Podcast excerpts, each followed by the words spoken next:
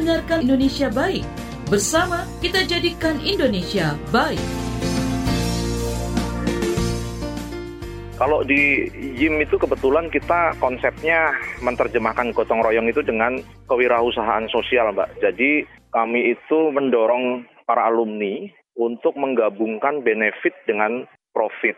Jadi jangan mencari untung saja, tapi kamu juga harus berbagi. Berbaginya bagaimana? Kalau kamu buka kedai kopi, kamu pekerjakan masyarakat sekitarmu, keluargamu yang menganggur, kamu bagikan ilmumu, secara gratis, jangan komersil. Kemudian yang kuliner juga begitu, kamu gunakan ojek-ojek di sekitarmu untuk mengantarkan makanan. Kamu beli bahan-bahan baku pembuatan kue dan makanan dari warung-warung kecil saja di sekitarmu. Jadi bisa berputar ekonomi eh, dalam skala-skala kecil seperti itu. Itu yang selalu kita dorong ke, ke mereka, Mbak. Untuk barber juga seperti itu. Uh, berbagi ilmu. Kalau sekarang mungkin belum bisa mencukur orang karena pandemi, ya kamu setidak-tidaknya bisa bertukar pengalaman, bertukar pikiran.